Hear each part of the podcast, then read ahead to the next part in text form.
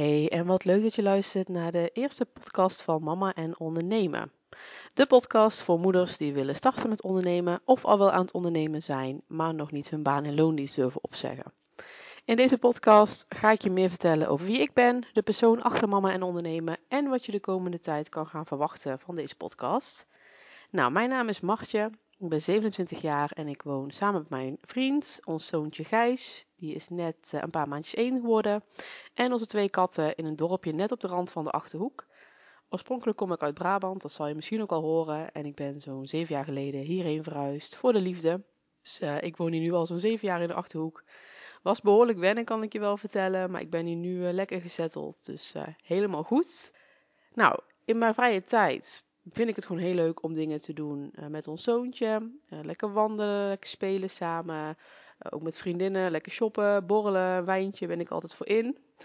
En gewoon, ja, toch gewoon lekker huiselijk, dat soort dingetjes. Um, dat past wel bij mij. Daarnaast vind ik het ook heel leuk om nieuwe plekken te ontdekken. Wij gaan nooit zo heel ver weg op vakantie. We zijn echt van die Europa-gangers. En we hebben daarom eigenlijk ook als grote droom uh, om een camper te hebben, dat we echt lekker vaak erop uit kunnen gaan. En wie weet ook wel voor een langere periode.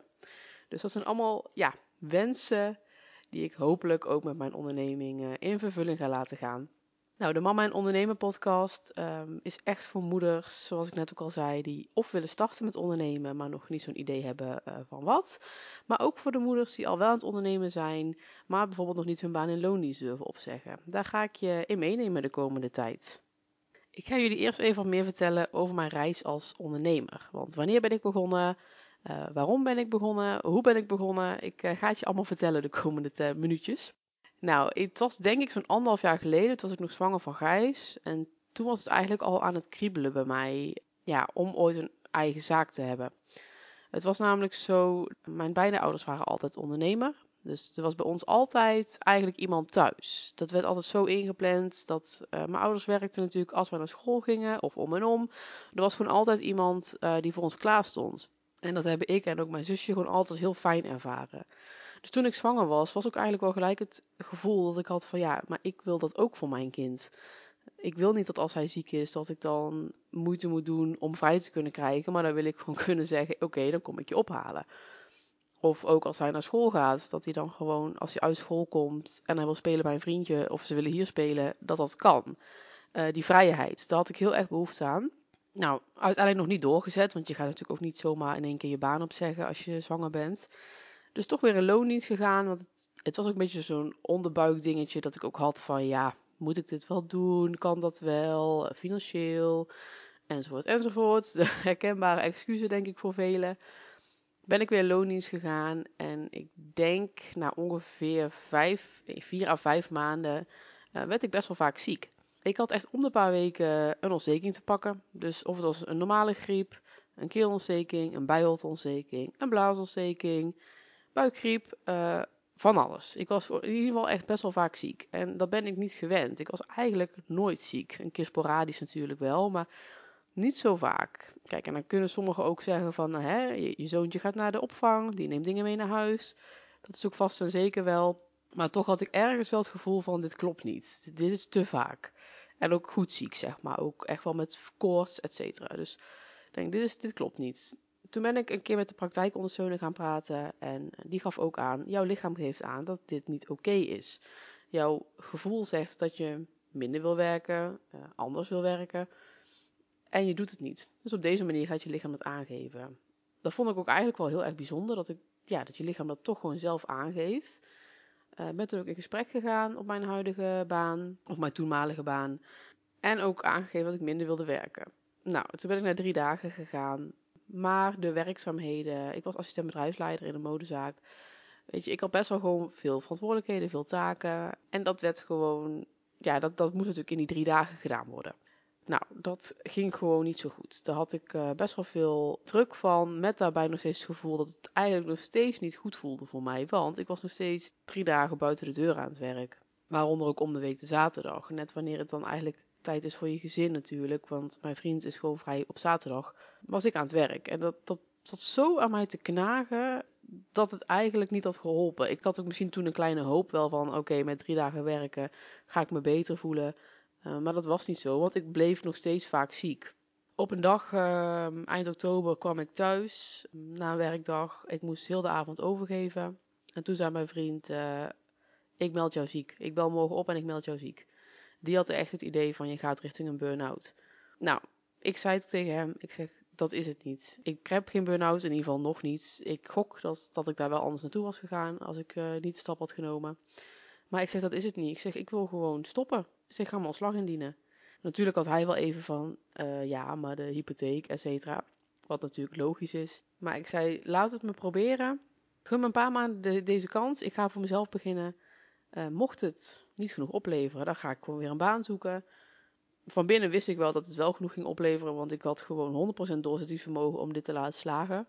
Maar goed, natuurlijk ook voor de geruststelling voor hem en ook voor mijn ouders, want die zijn natuurlijk gewoon wel bezorgd. Uh, heb ik dat beloofd om dat te gaan doen.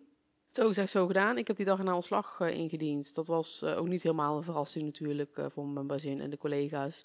Omdat ik gewoon niet lekker in mijn vel zat. En dat zagen hun ook allemaal wel. Dus het was de goede beslissing voor mij om dit te gaan doen. Ik heb toen nog anderhalve maand ongeveer uitgewerkt. En toen ben ik bij 1 december gestart als fulltime ondernemer. Ik ben er volledig gelijk ingedoken. Ontzettend zichtbaar geweest op Instagram. Ik heb me gericht op het stukje content. In principe noemde ik mezelf op het begin een content VA. Ja, het was een beetje geef het beestje een naam, zeg maar. Ik wist het ook niet zo heel goed. Um, VA is uh, virtual assistant, dus eigenlijk een online assistent. En ik had echt mijn focus op content, dus op social media en ook op blogs en eventueel andere website teksten. Nou, zo gezegd, zo gedaan. Ik was lekker aan het werk. En het ging eigenlijk al snel goed. Ik was heel actief in Facebookgroepen. Dus als er een oproepje werd geplaatst, dat iemand het gezocht, dan ging ik daar altijd, als het me aansprak, op reageren. En ik ging um, ja, zelf dus heel actief zijn op Instagram. Echt uh, iedere dag wel zichtbaar, mezelf op beeld.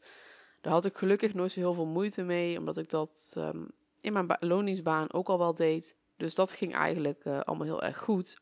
En na een maand zat ik op 10 klanten. En kon ik eigenlijk al bijna zeggen: Oké, ik zit praktisch vol, want ik wil ook nog tijd hebben voor andere dingen. Wat ik eigenlijk super bijzonder vind, maar het was voor mij ook vrij logisch, want ik dacht van ja, ik had al zo'n gevoel van: dit gaat lukken, dit ga ik gewoon doen. Dat het voor mij ook niet gek was dat het ook echt was gelukt, om het zo maar even te zeggen. Nou, uh, ik heb dus 10 klanten nu momenteel waar ik de social media voor doe en blogs. Wat ik hartstikke leuk vind om te doen. Maar dat is weer het onderbuikgevoel dit is het nog niet 100%. Dit is het niet helemaal. En ik denk dat uh, veel ondernemers ook zullen herkennen. Je hebt natuurlijk altijd, blijf je ideeën houden. Ook al was ik, of ben ik pas anderhalve maand bezig, er blijven altijd ideeën opborrelen. En bij mij was het idee dat ik die moeders wil ondersteunen, die in hetzelfde schuitje zaten als mij. Die mama's die hetzelfde gevoel hebben van ik wil die vrijheid hebben voor mijn kind en voor mijzelf. Ik wil vaker een weekendje weg kunnen. Ik wil hem kunnen ophalen als hij ziek is. Ik wil gewoon minder werken in het algemeen. Ik wil alleen de schooltijden werken. Ik noem maar iets. Hè. Er kunnen zoveel redenen zijn voor een moeder dat ze wil stoppen in loondienst. En daar voel ik heel sterk dat ik daar wat mee wil doen. Ik wil die moeders ondersteunen. En de eerste stap was voor mij deze podcast. Ik heb precies in dat schuitje gezeten en ik weet hoe rot je je kunt voelen. Hoe het aan je kan knagen. Ook het onbegrip natuurlijk vanuit familie en vrienden. Want je gaat toch niet je baan in loondienst zomaar opzeggen ik weet het allemaal en ik heb het uh, been there, done that, zeg maar. Um, ja, die stap zetten, dat, dat vergt gewoon echt wel ja, een bepaalde kracht om te gaan doen. En dat wil ik je heel graag gaan meegeven de komende tijd. Ik ga je in deze podcast helemaal meenemen in mijn ondernemersreis. Ik heb natuurlijk nu al uh, vrij beknopt mijn verhaal verteld, maar ik ga daar veel meer over delen de komende tijd. Ik ga ook vertellen van hoe bedenk je nou een bedrijfsidee? Waar, wat ga je starten? Wat voor investeringen heb je nodig? Maar ook uh, wanneer zeg je je baan op? Wanneer voelt dat goed om te gaan doen? Ik ga je gewoon helemaal meenemen in dat stukje ondernemen en dan vooral het startende ondernemers. Maar zoals ik al zei, kan ik me ook voorstellen dat de mama's hier naar luisteren die al wel ondernemen, maar nog niet die stap durven zetten om echt hun loondienstbaan op te zeggen. Ook uh, jullie ga ik ondersteunen. Ik ga je gewoon van alles delen rondom het ondernemerschap, rondom het krijgen van winst, het krijgen van klanten. En dan uh, weet ik zeker dat dit voor jou ook gaat lukken. Je moet gewoon je gevoel volgen. Dat is echt het belangrijkste wat ik je al wil meegeven uit deze podcast. Je hebt nu mijn verhaal gehoord. Ik heb mijn gevoel gevolgd. Het was 100% de beste keuze die ik kon maken voor mezelf en voor mijn gezin. Ik heb nu al zo in die anderhalve maand de vrijheid ervaren. Ik ben gewoon lekker op zaterdag vrij met mijn gezin. Uh, Gijs was voor kerst, was hij niet fit. Kon ik gewoon de opvang bellen en ik zeg, nou Gijs blijf vandaag een dagje thuis. Ik hoefde dat niet te vragen aan een baas, maar ik kon gewoon zelf beslissen, ik hou mijn kind vandaag een dagje thuis. En dat was al zo waardevol. Daar ben ik zo ontzettend blij mee dat ik die keuze heb gemaakt. En dat wil ik voor jou ook. Ik wil dat jij ook die tijd voor je gezin kunt hebben. En vooral dat je voor jezelf kunt kiezen. Dus ik hoop dat je blijft luisteren de komende tijd. Ik ga je hier helemaal in meenemen. En je mag me ook altijd even een berichtje sturen op Instagram.